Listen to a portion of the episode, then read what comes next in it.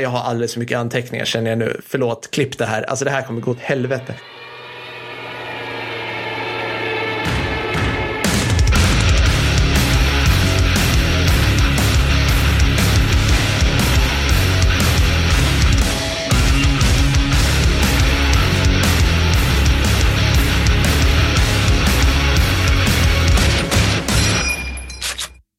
Hola mi amigos! Eh, välkomna till Kickstory-podden.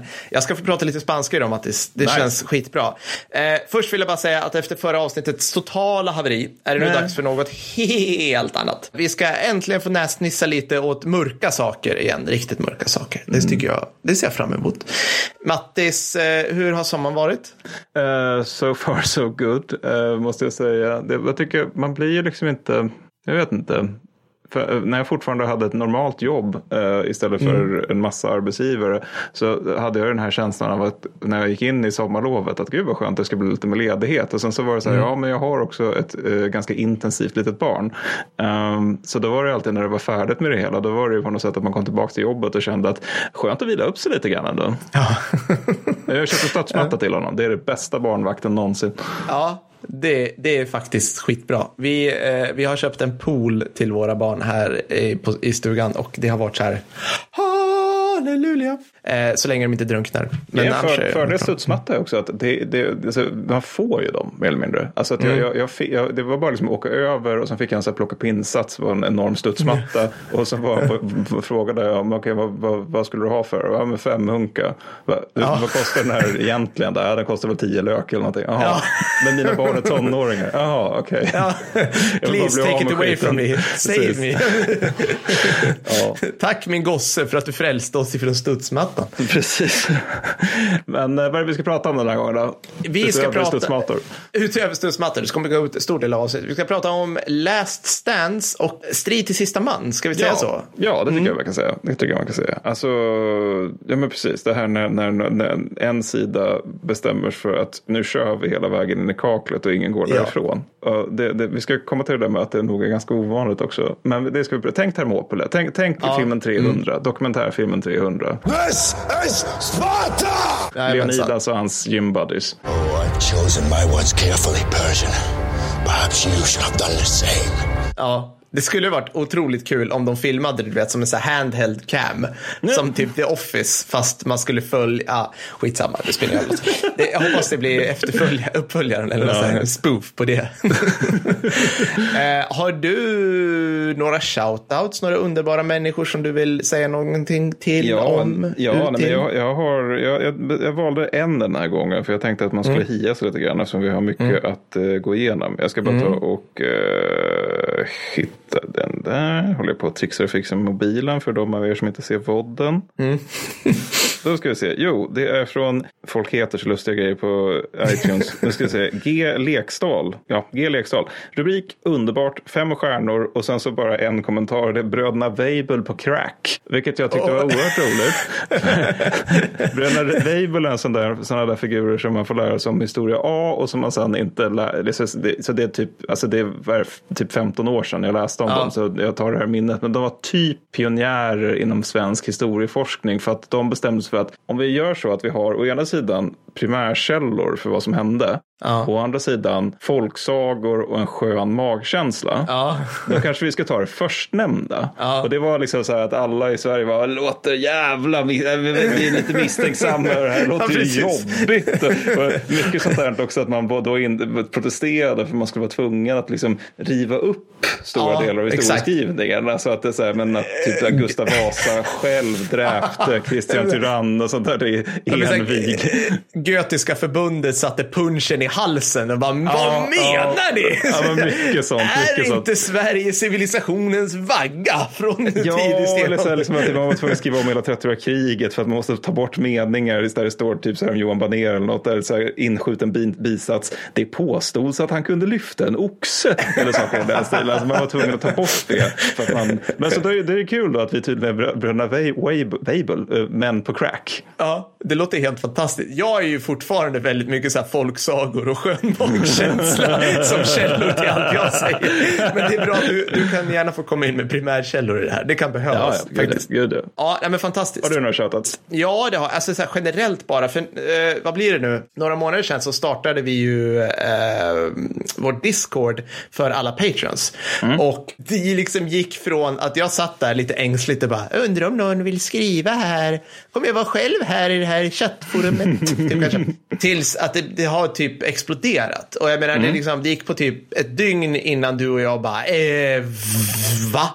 vad händer? Man klickar så här 100 nya meddelanden, 225 meddelanden. Ja, Eh, det vi försöker hålla koll på, eller det vi ska säga så här, att vi har ju en subkanal som heter avsnittsönskemål och vi håller koll där, vi lovar, men Istället för att du som hör det här och är Patreon kanske skriver någonting nytt, kolla på gamla, lite gamla så här i närheten, och scrolla lite och så likea de du tycker är bra. För då kan vi liksom genom en slags demokratisk utsållningsprocess hitta de som ni gillar. För att vi kan liksom inte, vi har inte, vi, vi hinner inte att sitta och copy-pasta de här in i ett annat dokument. Alltså det, det, vi, snart kommer vi behöva anställa någon som, som sköter sociala medier åt oss, höll jag på att säga. Nej, men Ja, men alltså, det, det är många bra idéer också. Ja, det är svinbra. Det, det, det, Ja. Så det är bara kul. Och, jag, menar, vi läser ju också vad som skrivs där. Sen så Ja. jag, inte, jag tänker inte på så att vi svarar på allting. För att det är som du säger, det är en inåt helvetes massa Mm. konversation. Men det är ju också bra då att folk pratar med varandra. Ja, precis. Och det var lite det som var tanken. Så det var det. Jag älskar er allihopa ni som skriver där. Det är ju underbart. Fortsätt. Så våga inte sluta. Det var bara en, en, liten, en liten inriktning av floden av eh, engagemang som vi försökte styra av i, i kulten. Eller vad man ska säga. Sankt Konrads kult. Jag tänker så här Mattis, du ska få börja lite här. Börja med ära och hjältedåd och ond bråd död. Och Ja. förklara lite vad fan, vad är egentligen det här med last stand, sista man? Det känns väldigt Hollywood, förklara, jag förstår inte. Ja, men det, är bra att du, det, är en bra grej med att du tog Hollywood. För det, det, det är... Jag tror att det är väldigt vanligt just när man, man vi, vi, gör, eller jag gör i alla fall ofta så att vi, när man ska liksom beskriva vad, hur, hur krig beskrivs, att jag, jag utgår från film och det gör väl du till viss mån också. Ja. Men det är ganska vanligt om man tänker sig just film att, att när man har en, vi var inne på det när det gällde det här med blankvapenstrid där i avsnitt 28 där när, när vi pratade om hur slaget om Sterling Bridge som inte har en bro i Braveheart, eh, det, det, det slaget är färdigt först när liksom de sista blodiga skottarna hackar ner de sista engelsmännen på Ja. liksom matta av döda. Och det, det är ganska, det är inte bara liksom medeltidskrigför, medeltidskrigföringen som skildras så, alltså att det verkligen är alla dör, liksom den förlorande sidan är helt utplånad. Mm. Utan även typ Rädda Meg Ryan är ju också lite så i slutstriden. Ja, alla, precis. Alla amerikaner dör. Och även liksom, alltså de här striderna innan är väl när de tar den här lilla helt meningslösa kullen där de ska ruscha en MG42. Just det. ja, alltså, Bra idé där. han, gick, han gick liksom inte gruppchefsskola 1 ens, Nej, den nej, här nej. kaptenen. Han, han bara, eh, utnyttja terräng, nej, kringgå, för- nej, ruscha. Ja, men, och där tar de ju en krigsfånge. Så då får man ju anta att resten antingen mördades då av de amerikanska hjältarna. Eller också att Ja. de bara stred i sina värn till döden. Ja, och det, det är precis. ju rätt osannolikt. Alltså det, Ja. det, det, I regel så är ju, det har jag varit inne på tidigare, men i regel är ration för varje död så såras typ två eller tre. Mm. Och för varje eh, två döda så tillfångatas en. Mm. Men, men här är det liksom att det finns inga sårade tyskar, det finns en tillfångatagen tysk, resten sålde sina liv för den här meningslösa skulden i Frankrike.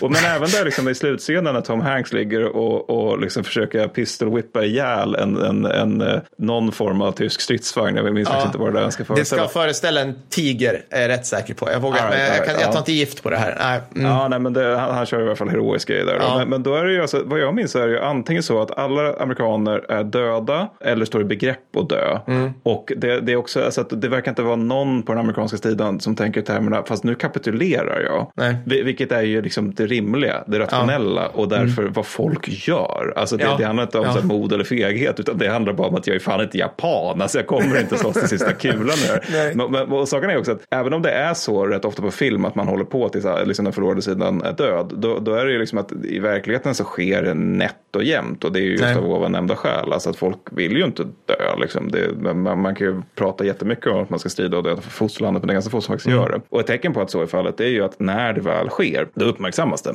Ja, Oh ja, precis. För menar, vi hade ju inte jättemånga exempel att utgå ifrån när vi skulle göra manus till den här podden. Nej, eh, nej precis. Och jag skulle säga, jag ska inte ta på det här heller, men jag inbillar mig också att det finns ju en, alltså det finns ju liksom ett, ett slags satt regelverk att bli krigsfånge. Nu kan jag bara utgå från min erfarenhet i, i svenska försvarsmakten. Där finns det ju så här, om du blir krigsfånge, gör så här och så här. Men vi fick liksom gå en liten utbildning i MBG över det här, liksom så här, ja, då ska du bete dig så här och du vet, liksom finns de tricksen. Så att det, det fanns ju, eller det finns ju absolut, jag kan säkert tänka mig för förr i tiden också, att man ja, men kapitulerar då, för, det, för att då finns det en chans att du kan strida en annan dag.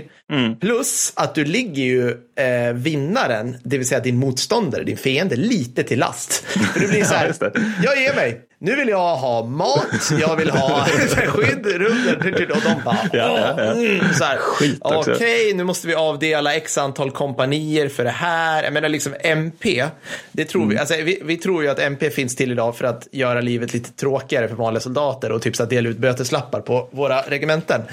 Eller ja, det finns de ju också till för, vi älskar ju MP. men de är i krigstid så är de ju till för att liksom, ja, men bland annat hantera krigsfångar. Ja. Så är det faktiskt. Ja, men det, det, är också det är lite lustigt där, för jag, jag vill minnas att det är under första världskriget, nu, nu tar det här lite löst ur liksom vrårna i minnet, men det är för mm. att man hade system för att man liksom, okej, okay, men lag Frankrike tar folk från lag Tyskland som krigsfångar. Mm. Det vill ju menas att man också hade system så att det skulle liksom på något sätt ske att tyskarna, jag minns inte riktigt hur, men alltså att de på något sätt skulle ändå förse de här krigsfångarna med liksom livets nödtorft, att man skulle liksom kunna skicka lite post och sånt där så att de ja. kunde få varma kläder och liknande. Mm. Eh, men de som frångick det här var italienarna. Ah. För att de vill jag minnas eh, aktivt försökte försämra tillståndet för de mm. italienare som hade tagit som österrikisk-ungerska krigsfångar. för att fuck Italien under det jävla kriget. Alltså. Italien, Europas japaner fast dåliga på alla sätt. Nej, jag vet inte riktigt. Alltså, ja. ja, men, men, men också det, det, det är just när det gäller modern tid så är ju också det här med strid sista man får man väl säga särskilt ovanligt. Mm. Och det mm. tänker jag att, alltså, när vi pratade om det här tänkte jag att man kanske skulle snacka om Selovhöjderna 45. Mm. Men det är ju inte liksom egentligen strid till sista man. För där är det ju så att tyska nionde armén håller i tre dagar vid Selohöjderna alldeles utanför Berlin. Och mm. sen så efter att ha tillfogat ryssarna så här orimligt höga förluster mm. så retirerar de.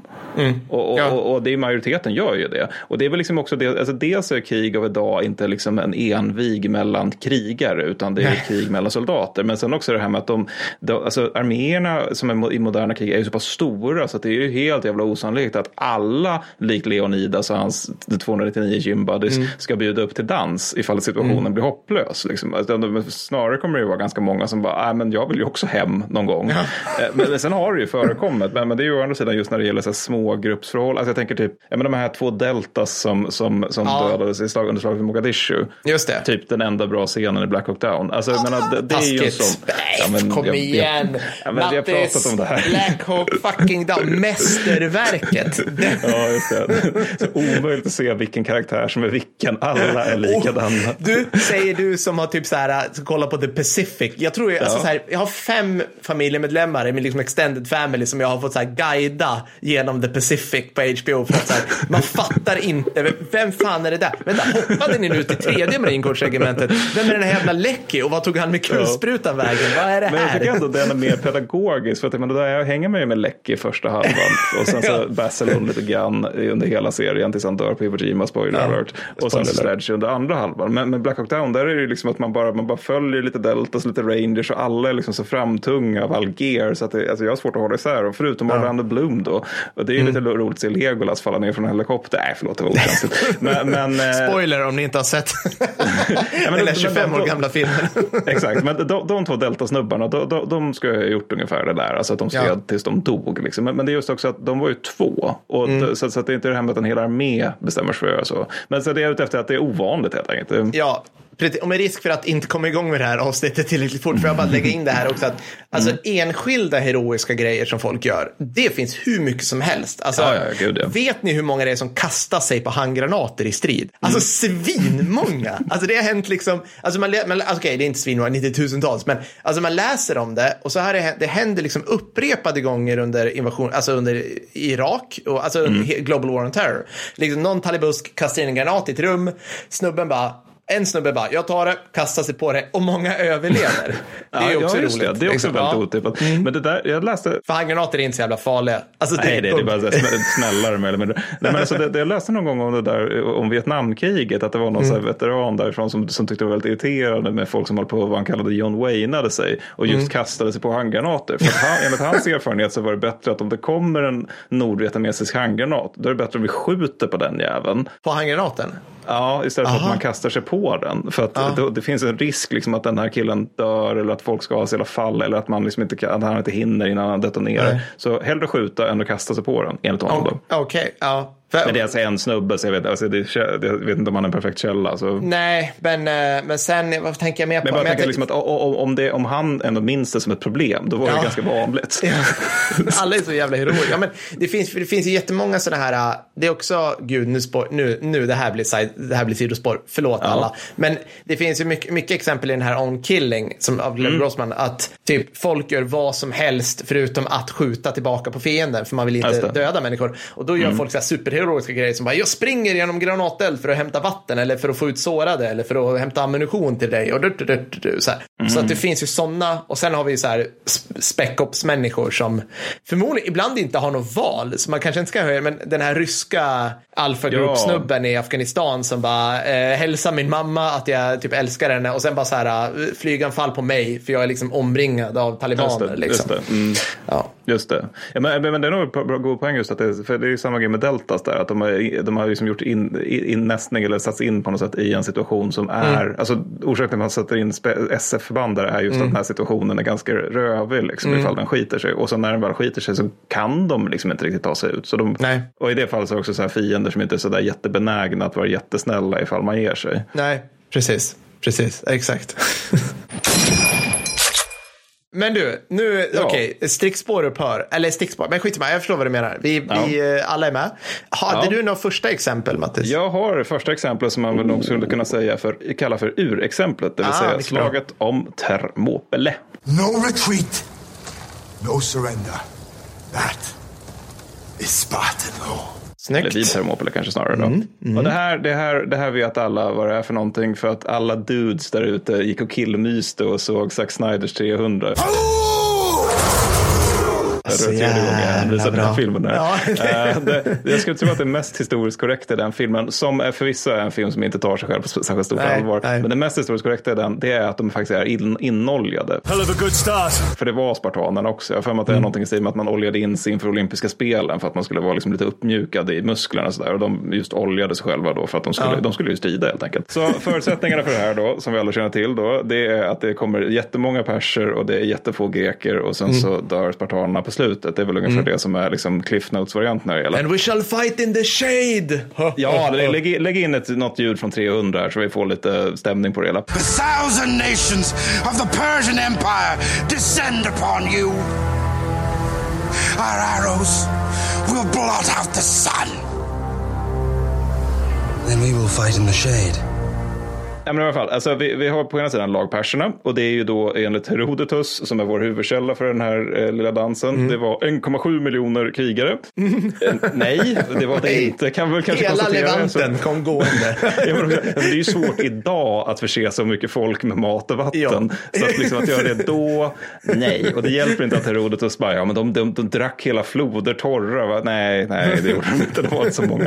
Så moderna historiker är inne på att det snarare var kanske 80 000 till som mest 250 000. Och även 250 000 tycker jag låter väldigt, väldigt mycket för att vara liksom antik, icke-romersk styrka. Eh, Men, men det vi nog kan utläsa över det hela det är att de var många. Alltså de var mycket, mycket, väldigt, väldigt många. Och att de var, alltså förmodligen så också att grekerna tyckte att de var, vad ska man säga, alltså att grekerna själva hade svårt att ta in hur många de var. För att det var liksom så bortom deras Det var liksom ganska en, primitiva. två, omöjligt många. Infinite. Infinite Ja, men alltså, men de, numret de, de dök hade ju en ganska liksom så här. lokaliserad form av krigföring med rätt små förband. Och så kommer Perser-imperiet och bara, alltså vi håller ju Afghanistan, va? så stora är vi. Och vi, vi började inte där. Ehm, nej, men, eh, men, men sen så då, på lag Hellas sida så har vi då 7000 greker från lite olika stadsstater. Och de möts då vid de så kallade heta portarna, det vill säga Thermopylae eller Thermopyle, i augusti eller september år 480 före Kristi födelse. This is where we hold.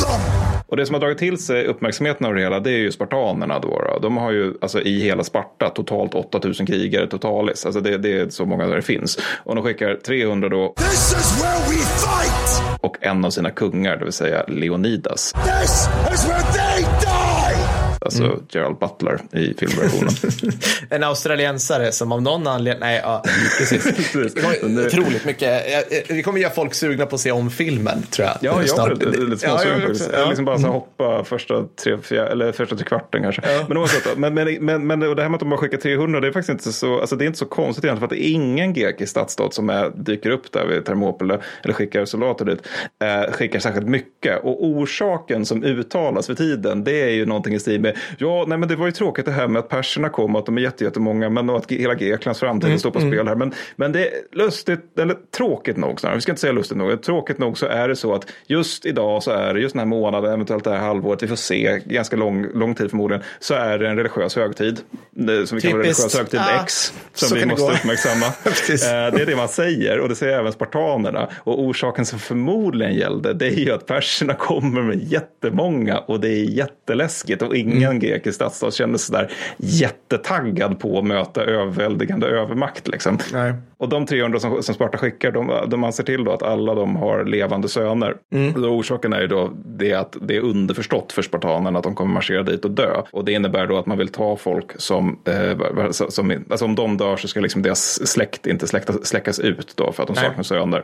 Eftersom ja, eh, det här är gre- misogyna Grekland så att det, det, flickor räknas ju då inte förstås. Nej. Men övriga grekiska förband där då, eller vad man ska kalla det, de har en mycket mer sansad syn. För de verkar mer tänka i termerna av vi ska göra motstånd och så ska vi retirera och så ska vi strida en annan dag. Och jag vill återigen strida, stryka under det här, för jag tror det här, jag stör mig lite grann på det, för det, det är ju det rimliga. Det är Ja. spartanerna som är helt galna här, så bara, det är klart vi ska dö. Liksom, men varför då? Det är väl bra om vi kan döda dem och sen göra det igen någon annan gång. Nej, nej, ge oss våld. vi nyttjar såklart den kanaliserade terrängen genom- att liksom göra en fighting retreat bakåt och samtidigt ha ihjäl dem och sen dra. Ja, det måste ju vi vara... Ja. nej, nej, nej, det ska stå här som jävla Absolut vägspärr. inte. ja. Okej, Malon ja. Ja, allt det där. Nej, eller om det är Molon Love man säger. Men i alla fall, eh, och det kunde jag passa på att säga, eh, som det du sa, det vill säga orsaken till att man är vid Thermopylae det är att det är just kanaliserande terräng. Alltså att perserna kan inte göra sin enorma numerära övermakt fullt så gällande då. Och själva slaget är egentligen ganska ointressant att både berätta om och läsa om. För att det är ju liksom att man har en, en stoppkloss av greker då som står i vägen i en kanaliserande terräng för massor med perser. Och så håller det på så liksom. Och under den här bataljen så utmärker sig då eh, spartanerna bland annat genom att de genomför fejkreträtter som följs av motanfall. Och det brukar man ofta ta upp som ett, ett exempel då på att de ska ha varit mer prof- professionella än de andra grekiska hopoliterna. Vi ska återkomma till det lite grann med professionalismen. Just för att det där är rätt svårt att göra för vad som i praktiken är milissoldater. Alltså de flesta Ja. grekerna var ju bara fria medborgare som hade råd med lite beväpning i grund och botten. Men sen, så, sen håller man på att slåss där då i heta portarna ända tills kvällen dag två då grekerna då flankeras av perserna. Och det här tycker jag är ganska roligt för att jag minns när jag gick på mellanstadiet och min historielärare gick igenom där. Då var hon så här väldigt mycket att det var en grekisk överlöpare och så förrädiskt gick de runt på flanken. Och det, man fick den här känslan av att det här med att de faktiskt flankerade istället för att göra frontalanfall. Att det var liksom ett tecken på att perserna var A, svekfulla, B, Ja, fega, C, fjolliga, D, inte riktiga män. Och så här, det är ju också det här med att en flankering är liksom så basal smart grej att göra i krigföring. Så att bara springa in i ett svårrörligt objekt. Då. Vad gör de? Går de från andra hållet? Va? Nej, så kan man inte. De ska ju gå rakt mot mitt spjut här. Ja, det är ju det, det som... Det är det som är riktigt krig.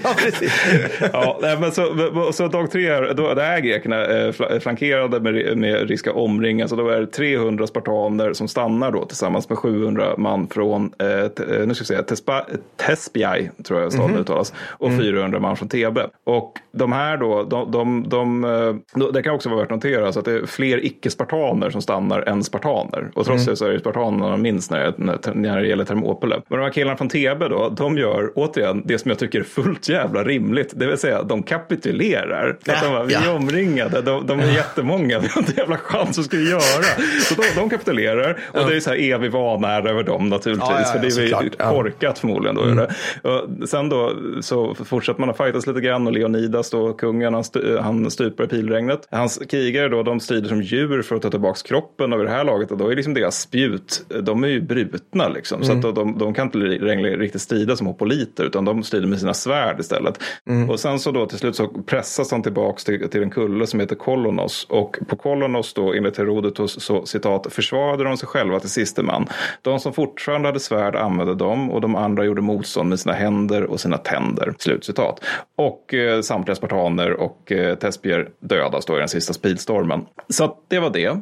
Och Ja. eftermälet av det här, det är ju att det här är förmodligen, det är nästan lite onödigt att jag pratar om det här, men det är förmodligen en av de absolut mest kända eh, händelserna i västlandets historia. Mm. Alltså det, det är ju sånt här som man har hänvisat till, alltså redan under, under antiken så var det här en grej, att romarna gillade Sparta på typ Mm. på grund av Thermopyle. Och sen dess har, har ju liksom alla krigsmakter i världen haft, men det är, det är jättevanligt idag till exempel att liksom man, man har eh, spartanska hjälmar som, som förbandsmärken och det är liknande. så... Uh, ja, men liksom att det är så här, oh, he's a Spartan soldier, a warrior, du du du.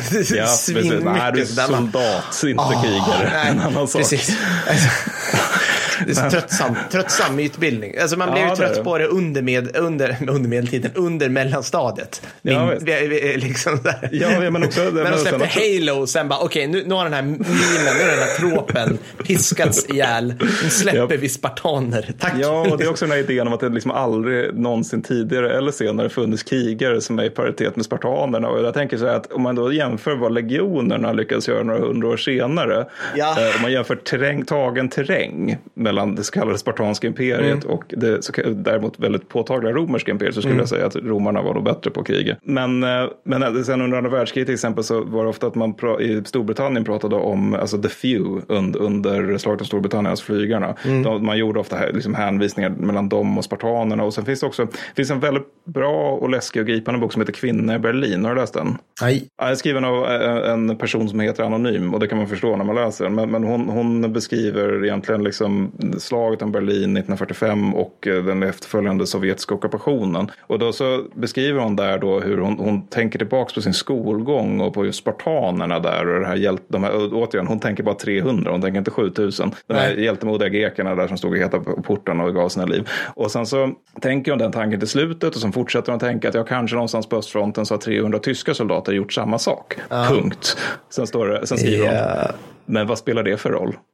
Och det är en klarsynt kommentar. Alltså, för vad spelar det för roll? Ja, det är förmodligen ingen. Nej. Det, det är liksom hjältedå, hjältemodigt slash meningslöst. Och allt det här snacket om ärorikt spartanskt nederlag, det kan vara fler i en liten sak och det är ju att det var ett fucking nederlag. Ja. De blev ju utmanövrerade och förintade. Det var det Ja. som hände. Det, det var liksom, det, det går, liksom, sen kan man slinka upp det här till att det var jättebadass, men de, de torskade. Och då är det lite konstigt att man inte snarare pratar om uppförandeslaget vid Platea eller Plataea eller hur man, man uttalar det, för att där vinner ju spartanerna. Och det är liksom stort. Är det, är det slaget man ser i slutet på 300? Alltså, Ja, för de har ju precis, något så här precis. att det återberättas i efterhand, 300, Ja, eller hur? exakt. Ja, mm, exakt precis. Ja. De är fortfarande barbröstade då. Eh, Ja, men, ja. men, eh, Och det är konstigt, för det, Harnesk var ju liksom, det var ju the thing hos grekerna. Ja, alltså det så här, det. tungt, tungt rustat infanteri var ju Ja. hopliper. Ja, och som perserna var ju o- ovana vid att möta den graden av bepansring också. Hade svårt att ta Ja. sig igenom pansar. Så det var nog en viktig, spelade nog en viktig delanledning till att det var svårt att ta sig igenom. Då hade vi inte sett deras abs som av någon anledning var viktiga. Jag kan inte riktigt, jag skulle vilja veta.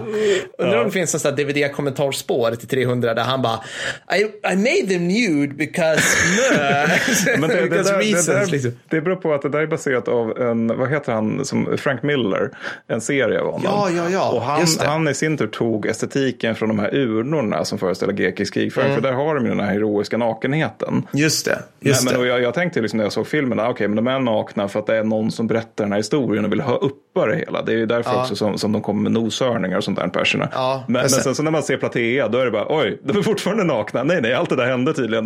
Det var inte unreliable narrator.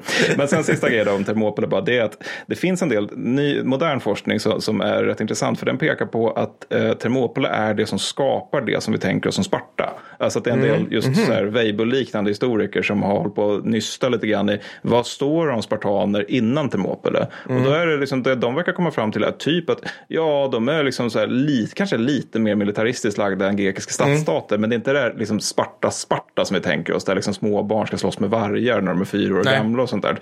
Utan att det är mer någonting som, om det här nu stämmer, som kommer efter eh, Thermopyle. För då är det som att hela Grekland bara sitter och killmyser. Bara, Åh herregud vad badass det här var. Och sen så då känner spartanerna själva att ja, vi måste nog snäppa upp oss lite grann. Så att de, de, alltså att de har måste en militär... leva upp till vår egen myt. Eller Ja, vi måste leva upp till precis. hypen liksom. Precis, och att det, Ja, liksom det. är någon typ så här hundraårsperiod innan jag tror det är just det här TB som spöar dem, eller om det är ett SBI, ja någon av dem. Eh, där, där, de har, där de har det här ryktet och där de också är väldigt skickliga och där de Ja, också ja, ja. har en mycket högre grad av militariserat samhälle än andra. Men att det här då inte ska stämma riktigt innan Thermopyle, så att liksom Nej. Thermopyle föder den spartanska legenden i grund och botten. Men alltså, oavsett hur feta de blev efteråt och duktiga så känner man ju ändå så här, ja men ni tog ju inte över någonting. Alltså vadå, vadå, ni erövrar några hektar till. Alltså, ni, har, ni har x antal krig med liksom försupna eh, typ poesiläsande filosofiska boylovers i Aten. Ja, och ni, ni kan inte spöa dem. Alltså, Ja, de, de gör det till slut, men det tar ju typ så här 70 år eller Ja, någonting. det är så. Ja, liksom, också så här,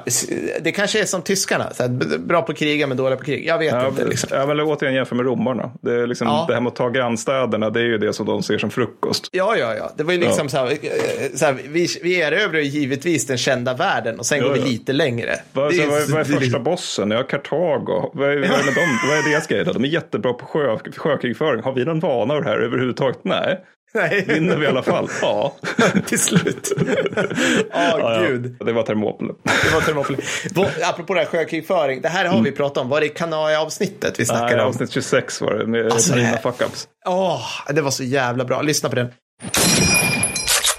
Ja, nu är det min tur och nu ska vi prata om någonting som är så här skräckbland, som jag har lite skräckblandad förtjusning till. Jag har, jag har antecknat alldeles för mycket för att det här gick jag ner i ett jävla, ett jävla rabbit hole. Vi ska nämligen prata om slaget vid Alamo. Alla, nu höll jag på att säga det på franska, det är inte alls franska. will remember the Alamo. För det här, är, det här är bland det mest trattiga jag läst tror jag i alla kategorier. Och det här är liksom, okej, först och främst Mattis, vad, vad vet du ungefär om USAs historia och Mexikos historia tidiga 1800-talet? Alltså där ska jag säga, erkänna att det är en lucka. Alltså det, det är, jag, är så, jag är så sanslöst ointresserad av USA innan, innan, innan spansk, Mexi- spansk-amerikanska kriget. South of Von responsibilities for us. Det, Alltså, jag vet. Alltså, jag med. Så att jag var ju tvungen, liksom, jag har, jag kan inte fatta att någonting hände så innan ens deras första affär. Alltså, det, deras egna inbördeskrig på 1860-talet är ju i sig så satans primitiv. Så för mig är det liksom så här, okej, 1800-1900-talet, innan det, sen innan det, då har vi 20 år med cowboysare. Sen har vi inbördeskriget och sen ser Ja. alla ut som i Revenant, det vill säga Ja. total fallout, ödemark, folk i pälsar, liksom, musköter. Liksom, det, det är liksom tillbaka till Mayflower. Det är liksom ingen det. kan läsa. Ingen kan läsa, ingen har framtänder. Det är, liksom, det, det är bara så här att folk blir ätna av björnar och dödade av indianer och det finns typ 20 pers på hela kontinenten. Och Alltså, det här typ, är också en tid som amerikanerna är sjukt nostalgiska över idag. Liksom. Det är så jävla sjukt. Och det här är så otroligt konstigt. Okej, eh, för, för att liksom försöka lägga in det här. Jag har alldeles för mycket anteckningar känner jag nu. Förlåt, klipp det här. Alltså det här kommer gå åt helvete. Alltså, slaget vid Alamo går ut på att det dras egentligen igång för att Texas vid den här tiden tillhör Mexiko. Just det. Det här är inte så jävla konstigt, för Mexiko är ju då eh, en, en del av det, alltså, det nyligen havererade, eller det höll ju på att haverera från att det startades, Mexi, span, spanska imperiet. Och spanska imperiet, om ni, bara för, det är ungefär som, det är imperiernas motsvarighet till den här kusinen som ni vet sitter och dreglar lite vid bordet och kan liksom inte äta med kniv och gaffel. Alltså det, det, det är liksom made to implode när, redan när det grundades. Så skulle Ja. man kunna säga. Så hur som helst, men, men Mexiko är ju ändå liksom, det, så de, det de har gjort nu, det är att de har testat på att vara federal republik i ett par, typ 20 år, alltså från någonstans början på 1800-talet. Vi befinner oss någonstans nu 1835 och Mexiko har kommit på så här, nej men det här med federal republik, det funkar inte. Vi kan liksom inte emulera USAs storhet, utan det, det det blir är att det blir en massa jävla aparta delar som inte samarbetar och så här, för att, jag vet inte, det, ja, det bara blev så. Så att de centraliserar det här igen, varvid de illegalt närvarande Texasborna som har liksom invandrat invandrat illegalt från USA, andra sidan gränsen, Louisiana. De blir skitförbannade och säger så här, nej, nej, nej, nej, det här kan inte vi gå med på. Vi tar till vapen. Ja. Kastar ut den mexikanska armén som består av så här tvångsvärvade bondpojkar utan skor ur, ur Texas. Och sen bara, ah, sweet, nu är det lugnt. Så Lite sorglöst kan jag tycka. Ja, men, lite, men liksom så här, de bara bra, alltså, för det, det går jävligt fort allt det här. Allting, alltså, allt, hela liksom, Texas-revolutionen utspelar sig under sex månader. Alltså, den, är så, den, är så, ja, den är så patetiskt mycket krigföring. Alltså, det utspelar sig under ungefär sex månader och sammanlagda antalet men, alltså, stridande från, liksom, från den mexikanska bondpojken till den fradgatuggande slavägande amerikanen skulle alla kunna få plats sittande på Stockholms stadion. Med, med, liksom, med coronaavstånd i princip Just det, mellan sig. det. Alltså det är, det är under 10 000 människor. Så det är liksom, det, och man bara, det, här är, det här är liksom samtidigt som så Napoleon, eller ja, 20 år efter Napoleon har liksom dragit samman miljonarméer mer eller mindre. Ja. Liksom. Det, det är så satans bakom USA. Fan vad basic det måste ha Det är varit. så Men vad jä- gjorde de? Liksom, var, det- var det bara att Jag man liksom gick och frågade folk? Vill du vara med i armén? Ja, nej men, så att, ja, men hur som helst, så att de, de har i varje fall kastat ut, det vill säga att så här, eh, mexikanska armén har svultit sig själva ur Texas.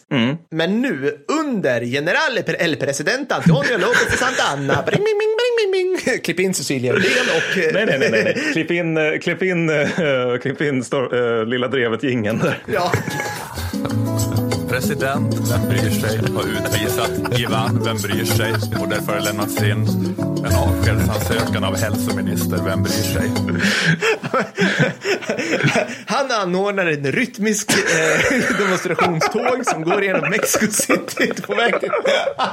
nej, jag ska. Eh, han... han Jag hoppas eh, även lyssnarna förstår den här, varför vi tycker Ja, det det är roligt med att. Sydamerika är så tråkigt. Men det var...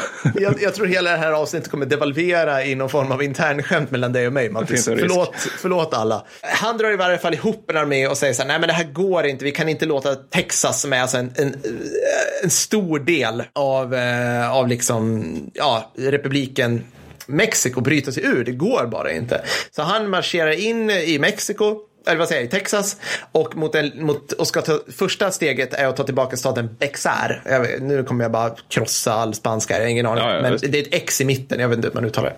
I Bexar ligger The Mission de Santa Lucia någonting, jag tror jag. Nu har jag glömt skriva ner det. Skitsamma. Det är det vi idag kallar Alamo som är alltså en mission. Det är alltså en kyrklig liten ja, grej. Den är, den är upprustad och nu försök höra mina, mina Kaninöron. här. Den är jävligt upprustad. Den är Ja. alltså tänkt att stå, stå emot typ indianer som rider förbi, skjuter lite pilar. Alltså det ser ut som, kommer ni ihåg den här gamla tv-serien Zorro som jag, jag kollade på på femman när jag var liten. Det är en sån compound. Alltså den Ja. är liksom, det, det, ja, det finns ju bilder såklart. Under tiden i Europa på typ 1100-talet. ja, men typ. Alltså den är, den är absolut, men det här, och den här har alltså då ungefär 100 000, äh, 100 000, 100 stycken amerikaner. Jag kommer kalla dem amerikaner nu, men det, det är egentligen, de Texasbor. kallar sig själva Texans helt enkelt, alltså Texasbor. De, de hänger där och får höra då så här att det kanske är en armé på väg dit, så vi, ja, vi behöver förstärkning för vi tror att det här är en viktig del av det här, liksom, att vi ska försvara det här på vägen mot huvudstaden som heter Gonzales. Det här är jätteförvirrande, men så heter huvudstaden i Texas på den tiden. Och det som händer direkt är ju typ så här, vem för befälet? Eh, och då är, det, då är det såklart, liksom, det står mellan två stycken, en snubbe som heter Travis som är de facto typ, alltså, det, alltså en reguljär officer i texanska armén och en snubbe som heter Bowie. Då kan ni tänka på kniven, apropå mytbildning. Som kniven som det inte, ja, skitsamma. Det finns så mycket jävla myter som inte stämmer i allt det Men det här blir alltså när amerikaner ska försöka Alltså, skriva det sin historia. Det blir eh, alltid så här stort jävla legendarium. Där bara, den här personen, han var jättehäftig tycker vi fortfarande 200 år senare. För han Ja. kunde dricka fem öl. Ja men precis och vi har vi så här, John Wayne gjorde några filmer om den här snubben på 50-talet och det är där vi baserar hela vår kunskap om och jag drar mig mer och mer i håret och kliar mig Men det desperat i skägget. det återigen, där. under tiden, i, vad ger Europa världen? Napoleon.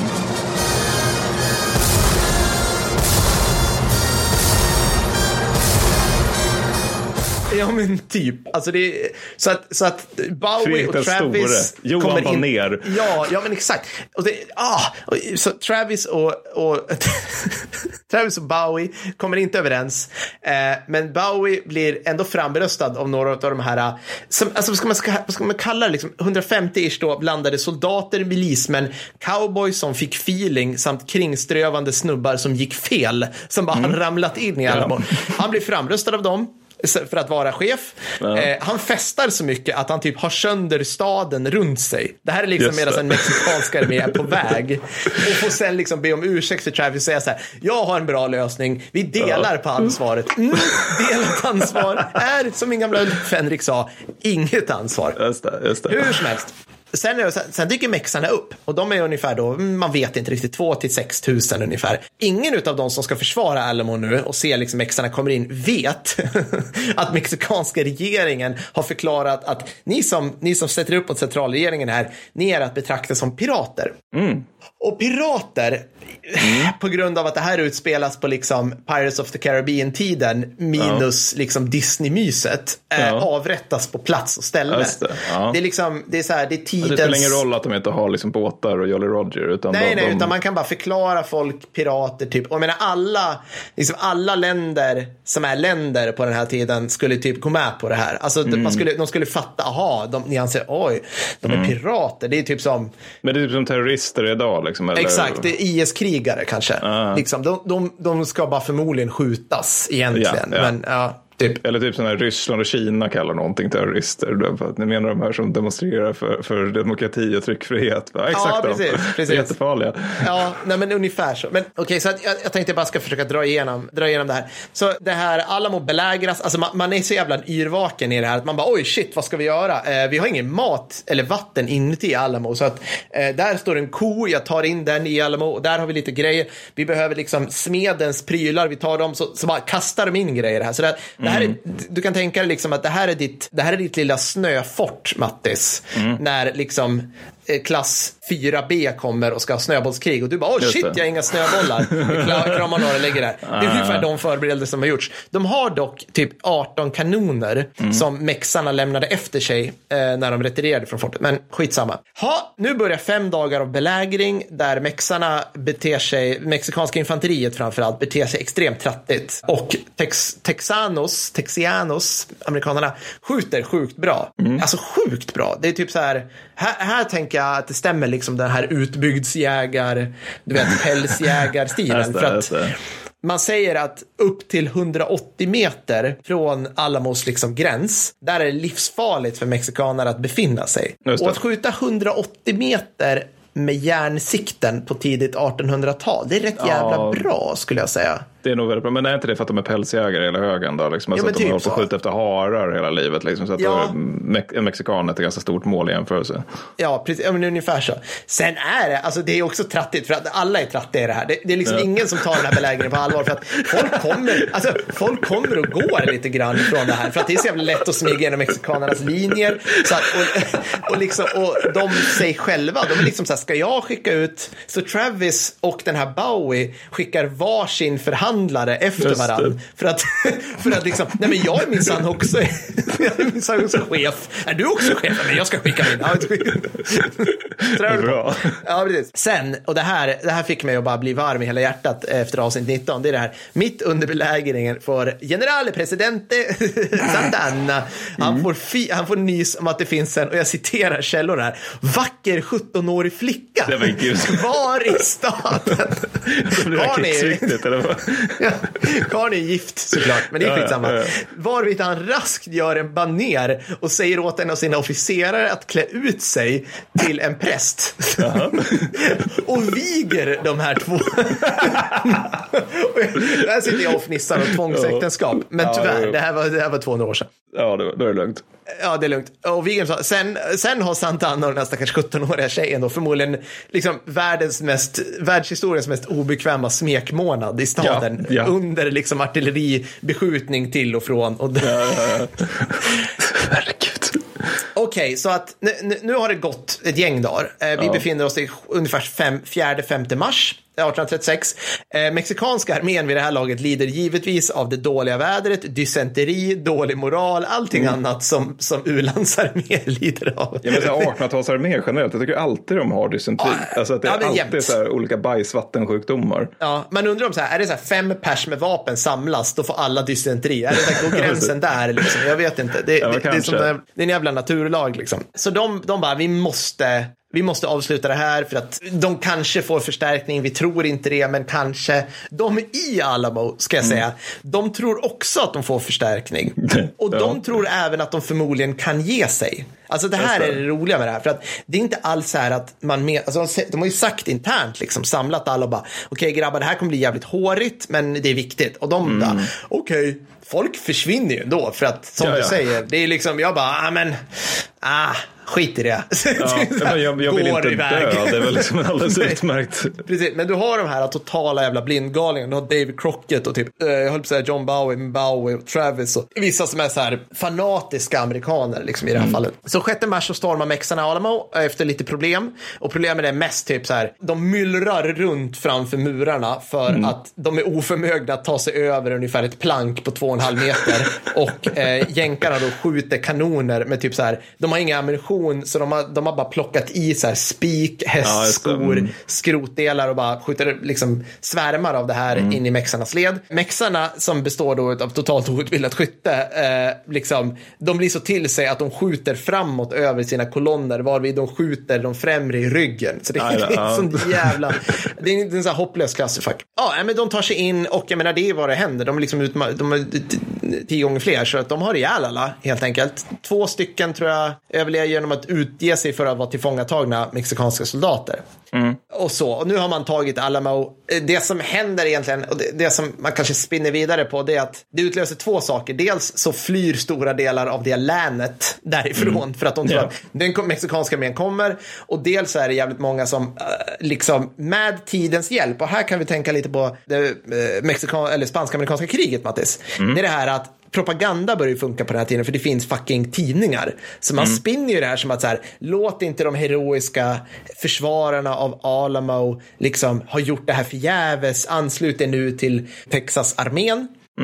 Ungefär. Men det där måste, just det där med att du sa att de trodde att de kunde bli avlösta. Det måste ju vara extremt vanligt när den här typen av situationer uppstår. Just att man, alltså man tror inte att det är hopplöst. För det är ju väldigt få arméer som går i döden, eller förband som går i döden just när de vet att det är hopplöst. Det, precis, exakt. Och det, det, det är exakt, alltså, de, dels, så vet, dels så har de ingen aning om att de kommer bli handlade som pirater, det vill säga avrättade Nej. om de ger sig. Och dels så Ja. tänker de ju sig att ja, men det kan komma, alltså någon Ja. fixar ju, vi har ju skickat massa löpare och ryttare och det kommer säkert liksom. Men det kom ingen, alla dog och sen visar det sig att liksom det här, det, i varje fall den här uh, last stand då, används då för att uh, dra, rekrytera massa folk till Texas-armén och som sen besegrar, och det är också så här ett jävla, tra- alltså vad ska man säga, de besegrar dem på ungefär samma sätt som kanske Ka- Kalle Dussin torskar vid Poltava. Alltså Mm. det är lite grann så här, mexikanska armén orkar typ inte gå ett steg till. Nej, Eh, nej. De har inga skor, de har ingen ammunition. Alla Eh, dysenteri. Mex- ja, alla dysenteri. Texas folk, de bara lägger sig i bakhåll, skjuter på dem när de dyker upp. Santana bara, aj karamba, och så drar de. Och så, Ja. sen, sen är liksom Texas en republik i typ tio år, annekteras av USA, som i sen, sen 1840-talet utlöser mexikansk-amerikanska kriget, som vi absolut inte kommer att prata om här, men som är Nej. lika kraftigt. Men, Mattis, förlåt. För, alltså, jag måste bara, alltså, det, det är få saker som jag har läst om inför den här podd, alla våra avsnitt, som, som får mig att liksom att vända 180 grader. För att ju mer jag läser om Alamo, desto, desto bättre är, står sig mexarna i det här ljuset. Alltså desto Det är ju mer väldigt inser man... Ja men så här. För det, jag här, har- är- det, här, det här är ju en amerikansk hjältesaga. Det vet Ja, man ju. ja, Liksom. Ärorika amerikaner mot så här förtappade och kätterska mexare. Young David Crockett was singing and laughing with gallantry fierce in his eye. For God and for freedom, a man more than willing to die. Ja, precis. Men, men vi börjar så här. Vi sitter nu, säg säger då 200 år efteråt och sen, eh, och sen har ärat det här. Men jag kan säga, det är ungefär som att för 200 år sedan, som att regeringen skulle lösa utflyttningen från typ Jämtland. Okej? Alltså alla har flyttat ut från Jämtland och det här, det här var i till och i Mexiko. Det är för många som flyttar ut från Jämtland. Vi löser det här genom att ha supergenerösa eh, immigrationslagar exakt till den här regionen, exakt till Jämtland. All right? Ja. Men då istället för att typ så här sköna, liksom, avslappnade holländare dyker upp och du vet vill fiska, så ramlar det in tusentals salafister ifrån Saudi. Alltså de bara väller in liksom, Ja. ko- så här, i Jämtland. De vägrar anpassa sig till den svenska kulturen. De ser alla andra än sin egen grupp, det vill säga salafister, saudiarabier, som lägre stående arter. Alltså det är, så här, det, galopperande rasism. Ja. Och de är allmänt så här, misogyna, våldsamma och hatiska. Side note, de har även slavar. Just det, ja. Eh, Och du menar då att när svenska staten då skulle liksom in och ren, liksom försöka styra upp det här då, att vi skulle vara skurkarna? Ja, när de känner så här, nej men hörni, det här var inte så kul längre. Nu tar vi liksom centraliserar det här igen och vi, har liksom, vi, vi skaffar liksom gränser här. Liksom. Då tar salafisterna till vapen och de startar en motståndsrörelse samt väljer att röra sig fritt över gränsen mellan Sverige och Norge. Så att det går inte att hålla det här. Så nu, så nu är den största befolkningsgruppen i Jämtland by far ett gäng tungt beväpnade, illegalt invandrande, slavägande, rasistiska, mis- misogyna assholes. Just det, ja. Eh, det är typ Waffen SS på ond-skalan för att sätta Ja, det här. ja. Alltså det, det är så, liksom, sen, i, liksom, ett år efteråt som svensk trupp måste gå in i det här och vi liksom... När de har gjort fanatiskt motstånd också. Ja, ja säga- då sker ett last stand på ett fullkomligt strategiskt oviktig ort, typ Mm. Ålsta i Jämtland. Look it up. Och där slås typ 260 salafister till sista man mot typ 6000 svenskar. Och nu, Mattis, 200 år senare, prutt, då har salafisterna blivit en demokratisk stormakt och då firar man det här vidriga lilla slaget som att den västerländska civilisationen hängde på det. Alltså, det är liksom, jag orkar inte. Det är så, Nej, jävla, nej. det, det är så jävla havererad historieskrivning där. If Texas is sovereign and free, we'll never surrender and ever with liberty be. Du, du tänker att det hade varit så här netto bra ifall de mexarna hade vunnit? Liksom, Ja, ja. Alltså, ja, ja. Det här slaget var 1836. Slaveriet i Mexiko avskaffades på 1820-talet. Just det, ja. Mm. Alltså så att, så att liksom Men alltså, amerikanerna behövde lite betänketid så innan de kunde... så att det mänskliga lidandet höll på i vadå, 80 år? Eller men liksom 30, 40, ja. ja. ja, 40 år till liksom. Ja. Så ja, alltså, Det är tur att vi inte har många amerikanska lyssnare för de hade blivit så jävla sura. över Alltså, det. är så patetiskt på alla sätt. Ja, att det är liksom insatsen är så att, ah, gud. Okej, ja men det är det. Ja, det var jävligt roligt. Det är jag släpper den jävla Alamo nu. Jag kommer aldrig mer läsa om amerikansk historia. det är bara Ja, var lögner. lögn. Lögner och skitsnack. Ah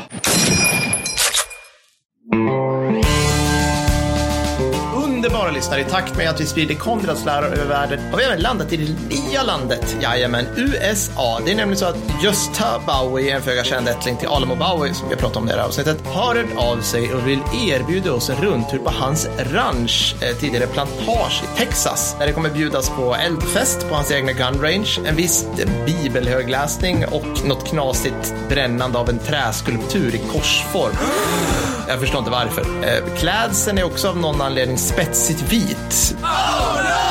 Vi vet inte varför. Det måste vara någon lokal sedvänja där. Vi tror inte att det är något problem. Du är väl på Mattis? Jajamän. Ja, ni hör. Vad kan gå fel? Jiha! Let's go!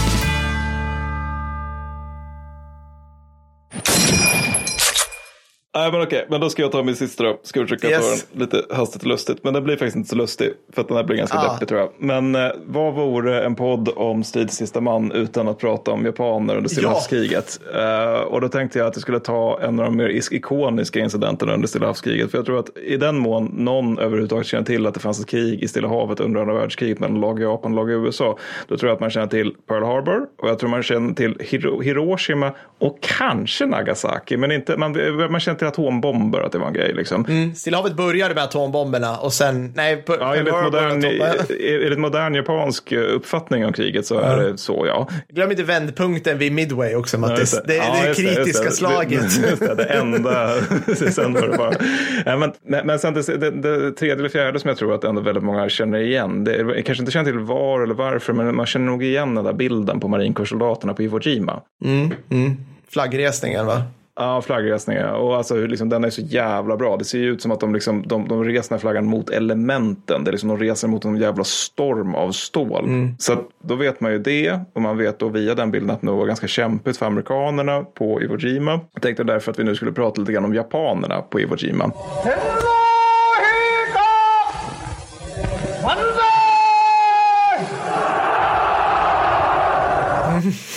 Vilka? Var de där? Jag känner inte till det här. Var de med i den här filmen som, som Clint Eastwood gjorde? Inget jag känner han gjorde till. en, till hans försvar, han gjorde faktiskt en hel separat Ja, det- bara om japanerna. Men han. det förutsättningen för den här bataljen då, det är att det är lag i USA som har, alltså, ja, det kan vara fler, men jag fick det till 110 000 man. Det är jättemånga man. De har 485 fartyg och skepp, inklusive flera hangarfartyg. Och sen har vi lag Japan då, som har 22 000 man, 15 flygplan av olika typer. Du får ju plats på med mer på ett hangarfartygsdäck, och de Mm. Ja. är ju modernare och har drivmedel, vilket de här Ja. nätt och jämnt har. Det, var det här är då 190 109 infanteridivisionen som är liksom ett improviserat hopplock av olika japanska förband och typ kockar. Och sen så, så har det stärkts upp med två stycken bra regementen. Men det är fortfarande så att det är liksom, flera av soldaterna är 16 år gamla bland, lag, eh, bland japanerna. De har två lätta kulsprutor per pluton. Alltså amerikanerna har ju vid det här laget tre bars per skyttegrupp och de har annat också än kulsprutor. Och ammunition till det. Kanske jag Och vet vad han ammunition, ja, Mm. mat, sådär. Men, och de befinner sig då på en vulkanö som heter Iwo Jima som inte har några naturliga vattenkällor överhuvudtaget. Nej. Så att de får liksom klara sig på regnvatten. De är liksom avskurna. Väl, alltså, det kommer inte komma någon som hjälper dem ifall det händer något. Utan snarare Nej. vet, och det vet de också. Det här är en lite skillnad mot Alama för övrigt, att de vet ju att de kommer dö naturligtvis.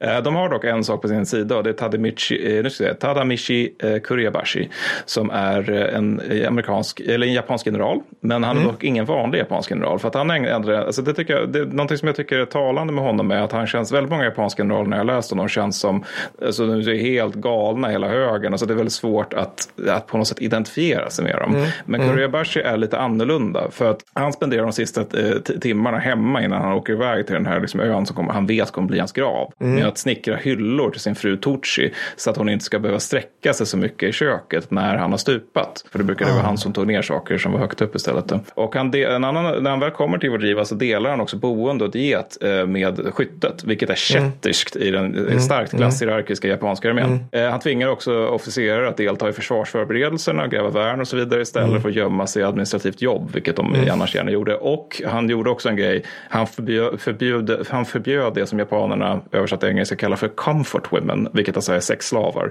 Eh, sånt, sånt fick liksom inte förekomma i hans garnison. Så att det är ändå saker som jag tycker gör honom mer sympatisk än många, många absolut. andra japanska generaler. Sen har vi det där med att han är en japansk general. Eh, Så Ja, det finns ju en del andra grejer i vågskålen också. Det vill säga att han, han väldigt typiskt också att han säger till frun Toshi innan han åker iväg då, det är den sista grejen han säger, typ, det är vad hon ska göra med hans aska eh, när hon Mm. väl får tag på den då. Och eh, varje morgon då så säger han till, eller så tvingar soldaterna på morgonuppställningen att recitera de sex stridsederna eller kampederna. Och en av dem är att banzai-anfall, det vill säga alltså stormangrepp med sänkta bajonetter och viftande katanas, det är en lätt väg ut. Det förbjuds. Det är tvärtom, men det är förbjudet att dö. Man får inte tillåta sig själv att dö förrän man har dödat tio amerikaner. Sign för aborten! Mm, bra. Eh, Och så se- en annan är också att de ska agera självmordsbomber mot stridsvagnar om så krävs. Alltså man får slut på pansarvärnsresurser. Så att han är i högsta grad en mycket japansk general på så vis. Så vi, vet inte, vi vet inte, men han kan, missionen innan det där kan han ha varit och typ bajonettat kineser Ja, i Manchuriet. absolut, liksom. absolut. Alltså så här, Absolut. Ja, men generella krigsbrotts-Japan. Liksom, Det, bara, det är nästan ofrånkomligt att Ja, det ja. var något sånt med tanke på att den, den förfärliga armé han var en del av. Mm. Eh, men oavsett, planen är då, den är inte att vinna, utan den är att eh, helt enkelt döda så många amer- amerikaner som tänkbart möjligt. Och eh, för att detta ska kunna ske på bästa sätt så har man, ser han då till att gräva ner hela den japanska styrkan under jord. Då. Mm. Dels då i naturliga grottor och dels i gångar som de grävt sedan typ 1943. Och det är helt Mm. jävla vedervärdiga levnadsförhållanden här nere. De, de japanska soldater kallar om, kall, pratar om någonting de kallar för dödsvatten. Och det är det här smutsiga regnvattnet som de lever på. Och så Ja. lever till alla magåkommor i världen. Och som Ja. de har det medan de bara gräver och gräver och gräver i liksom månader. Återigen, dysenteri. Vi får, vi får nämna det i varenda avsnitt. Det är verkligen Ja, verkligen så. Verkligen så. Nej, men sen så är det myggor och flugor och kackerlackor överallt. Och det är också det att de är på en vulkanö. Så, att de, så de, de, när de som gräver, då börjar det sp- liksom springa upp svavelångor ur jorden som gör dem illamående. De är liksom, har ont i huvudet, kräks hela tiden. Och det är så jävla varmt nere i deras, deras tunnlar också. Att de, de de har gummisulor på sina skor, eller de till och med gummiskor. De smälter direkt på fötterna. Men Ah. de, de är japanska skytte- skyttesoldater så de här ute fortsätter. Och eh, de ser också till att alla de här grottorna och skyddsrummen blir sammanlänkade då. Och eh, Kuribayashis plan är i grund och botten, låt amerikanerna landstiga. Möt dem inte på stranden, det är en dum jävla idé, för då hamnar man rakt i tänderna på den amerikanska eldkraften. Och sen låt dem eh, sen framrycka 1800 meter inåt land och sen beskjuta med allt man har då när de väl, Mm. eh, när de väl är många sammanpackade på stränderna då. 1800 meter, det är väldigt långt va? Ja, Eller långt. jag, jag tänker ja. mig, hur stor, hur stor är Iwo? Vet, Nej, inte, vet jag, kan, jag har inte det i huvudet, men det är alltså inte Nej. jättestort. Det är, det är tillräckligt långt in för att de ska kunna nå utkanten av ett av flygfälten som finns på Iwo Jima. Då. Ja, okej. Mm. Men efter att de har gjort det och man har liksom tillfogat dem massiva förluster på stränderna, då ska de bara dra sig tillbaka och inleda djupförsvar. Och sen har vi då själva slaget. Då. Och grejen är att när man läser om den här bataljen, framförallt ur amerikanskt perspektiv, då är det mycket så här liksom att man, de, man det är både amerikaner vid tiden och amerikanerna som skriver om slaget är så väldigt missnöjda med förbekämpningen. Att de tycker att ah, men det var tandlöst och det kunde ha gjorts bättre. Och, hmm, hmm, var det flottans fel? Var det marinkårens fel? Hmm, hmm, hmm, var det MacArthurs fel? Kanske MacArthurs fel faktiskt. Allt är MacArthurs fel. Det är allmänt grejen är känt. alltså att det, här, det är fortfarande så att det här är en amerikansk förbekämpning under andra Ja. världskriget. Så japanerna finner den kanske inte så mycket som en besvikelse som fullkomligt jävla förfärligt. Ja. Det, och de, det är också så här att när de ligger där och skakar i sina skyddsrum, det innebär ju då också att de måste sen upp på natten och laga sina värn, så de sover knappt någonting. Nej. Sen kommer själva landstigningen 19 februari, 19 februari 1945 och vid landstigningen så tillfogas amerikanerna över 2300 förluster. Japan, vilket är helt jävla sjukt mycket för amerikanska armén under tiden. Det är så här, lite, typ Omaha, lite mindre. Men sen, japanerna håller sig sen i sina värn. De ser hela tiden till att inte liksom, göra den där impulsen som de har haft hela kriget igenom. Att bara liksom, gå till storms mot överlägsen numerär och Det, eldkraft. det kliade i fingrarna. De bara, med bajonetten, då vinner vi det här. Ja, ja, det, gjorde, det, gjorde, Ja, det, ja. det var en del tjat underifrån till Kuribashi att man skulle få göra så här. Men han, han säger nej. Och när elden blir för tät då, så tar han sig ner under jord och så omgrupperar via tunnlarna till bakre ställningar. Då. Eh, sen 27 feb- februari, då har japanerna förlorat hälften av alla sina soldater och två tredjedelar av sitt artilleri. Så det är alltså på lite mer än en vecka så är det bara hälften är helt utraderade vid det laget. Och vid det laget så är det redan rätt kämpigt för eh, liksom dagens underdrift. Eh, Så att eh, soldaterna instrueras att helt enkelt se döden som den enkla utvägen så att de ska bita ihop och fortsätta slåss istället för att ta Ah, ja, livet ja. av sig. Vilket många vill göra för att det är så jävla vidrigt där. Och fjärde, redan 4 mars då finns det inte mer än 4100 japaner kvar överhuvudtaget på ön. Och det, alltså det är här någonstans som det här börjar bli grimdark på riktigt för att då är ju alltså japanerna, amerikanerna sätter in väldigt mycket eldkastare på den här ön som jagar ner dem i grottorna och eh, sen så skickar de in buntladdningar och flytande eld och flytande bensin och sånt där. Eh, och japanerna tycker att de påminner, på, de tycker inte att amerikanerna håller på med strid utan de tycker att det påminner mer om skadedjursbekämpning. Men i Ja. de här grottorna då så ligger de här alltså brännskadade japanerna då och slickar kondens från grottväggen och suger på dagg ifall liksom på det lilla gräs som finns bara för att överleva törsten. Och grottorna är liksom fyllda med sårade och döda och likstanken blandas med svavelångorna och det är så jävla vidrigt så att det snabbt knappt går att beskriva.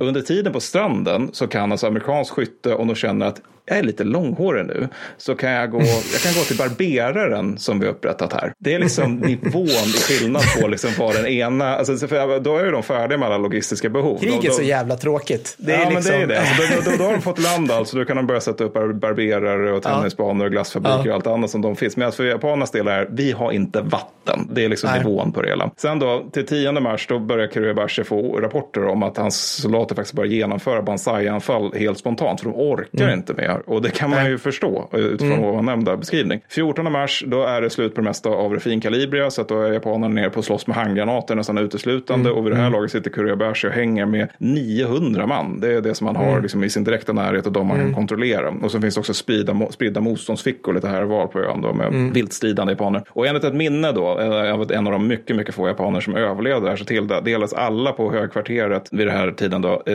två stycken cigaretter och en kopp sake. Och efter det så brände man alla sina kragspeglar och sätt man kunde identifiera sig på. Och Mm. eh, sen konstaterar Kuriba, Kuribayashi eh, att för de församlade på staden att alla måste döda hundra var. Ja, liksom, sen, sen kan ni möta, eh, möta bästa förfäderna. dagorden ever. Ja, jo, jo, men sen kan ni möta förfäderna. Och han, han tackar för och tror på deras hängivenhet också. Och eventuellt då så, så anför Kuribayashi det sista anfallet mot amerikanerna då den 26 mars. Vissa vittnen säger det, men det är omöjligt att veta. Eventuellt tog han livet av sig, ingen vet. Vet. Och det sista man hör av honom, det är faktiskt ganska, jag vet inte, jag tycker det, jag tycker det är rätt gripande på något sätt. För att han skriver då till Tokyo och han inleder det då på ett sätt som väldigt, väldigt få japanska generaler in. Jag vill återigen stryka under att jag tycker han verkar ha varit lite ovan, ovanlig. För att väldigt många liksom, dödsdömda japanska garnison, garnisoner i Stilla havet, de, när de skriver sina sista meddelanden, då är det liksom kejsare hit, kejsare dit och jag har gjort det, For jag har gjort mitt bästa.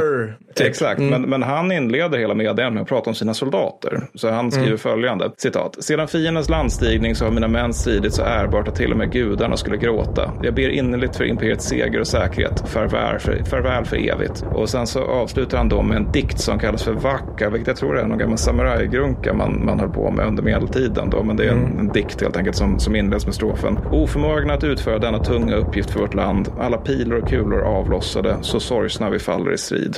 Det, det är också ganska, det är ganska annorlunda från det där ehm, fanatiska på något sätt. Det är någonting med det Inte där lika så storsvulet som vi, som, vi, som vi tänker oss. Eh, Nej. japansk normal Nej, inställning till saker inte och så ting. Liksom. sorgsna vi faller i strid, för det, det är väldigt mycket ånger i det. Eller Ja. liksom att det är tråkigt där. Men sen när allting är färdigt då, då är det alltså 3000 av garnisonen som gömmer sig fram till krigsslutet på Iwo Jima. Och man kan fråga sig hur fan de överlevde.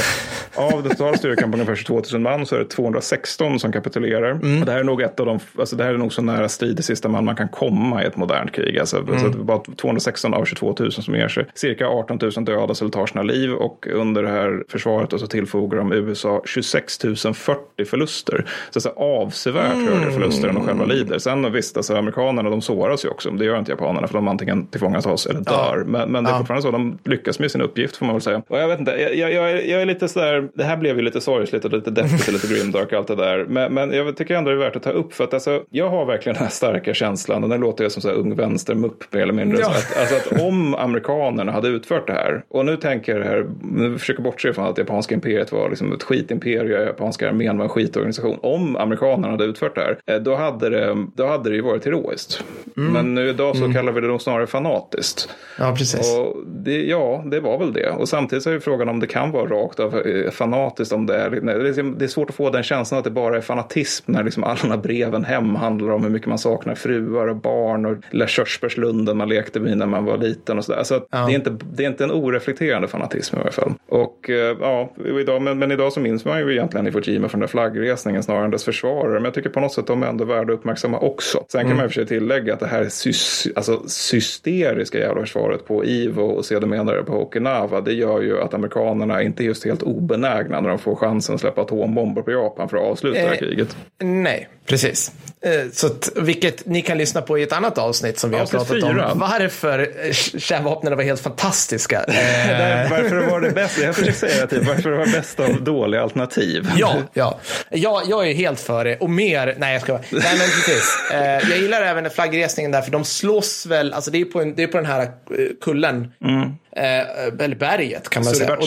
Ja, precis. Och de, de striderna pågår ju fortfarande under dem japp. i tunnlarna. Japp, vilket japp. är helt Det, det sjukt. springer liksom. upp folk och försöker döda dem typ bara minuten efter de har fått upp flaggan där. De måste försvara på eh, toppen nästan med en gång efter att de har rest den. Men det, ja, nej men så det var mitt bidrag till Strid siste man. Ja.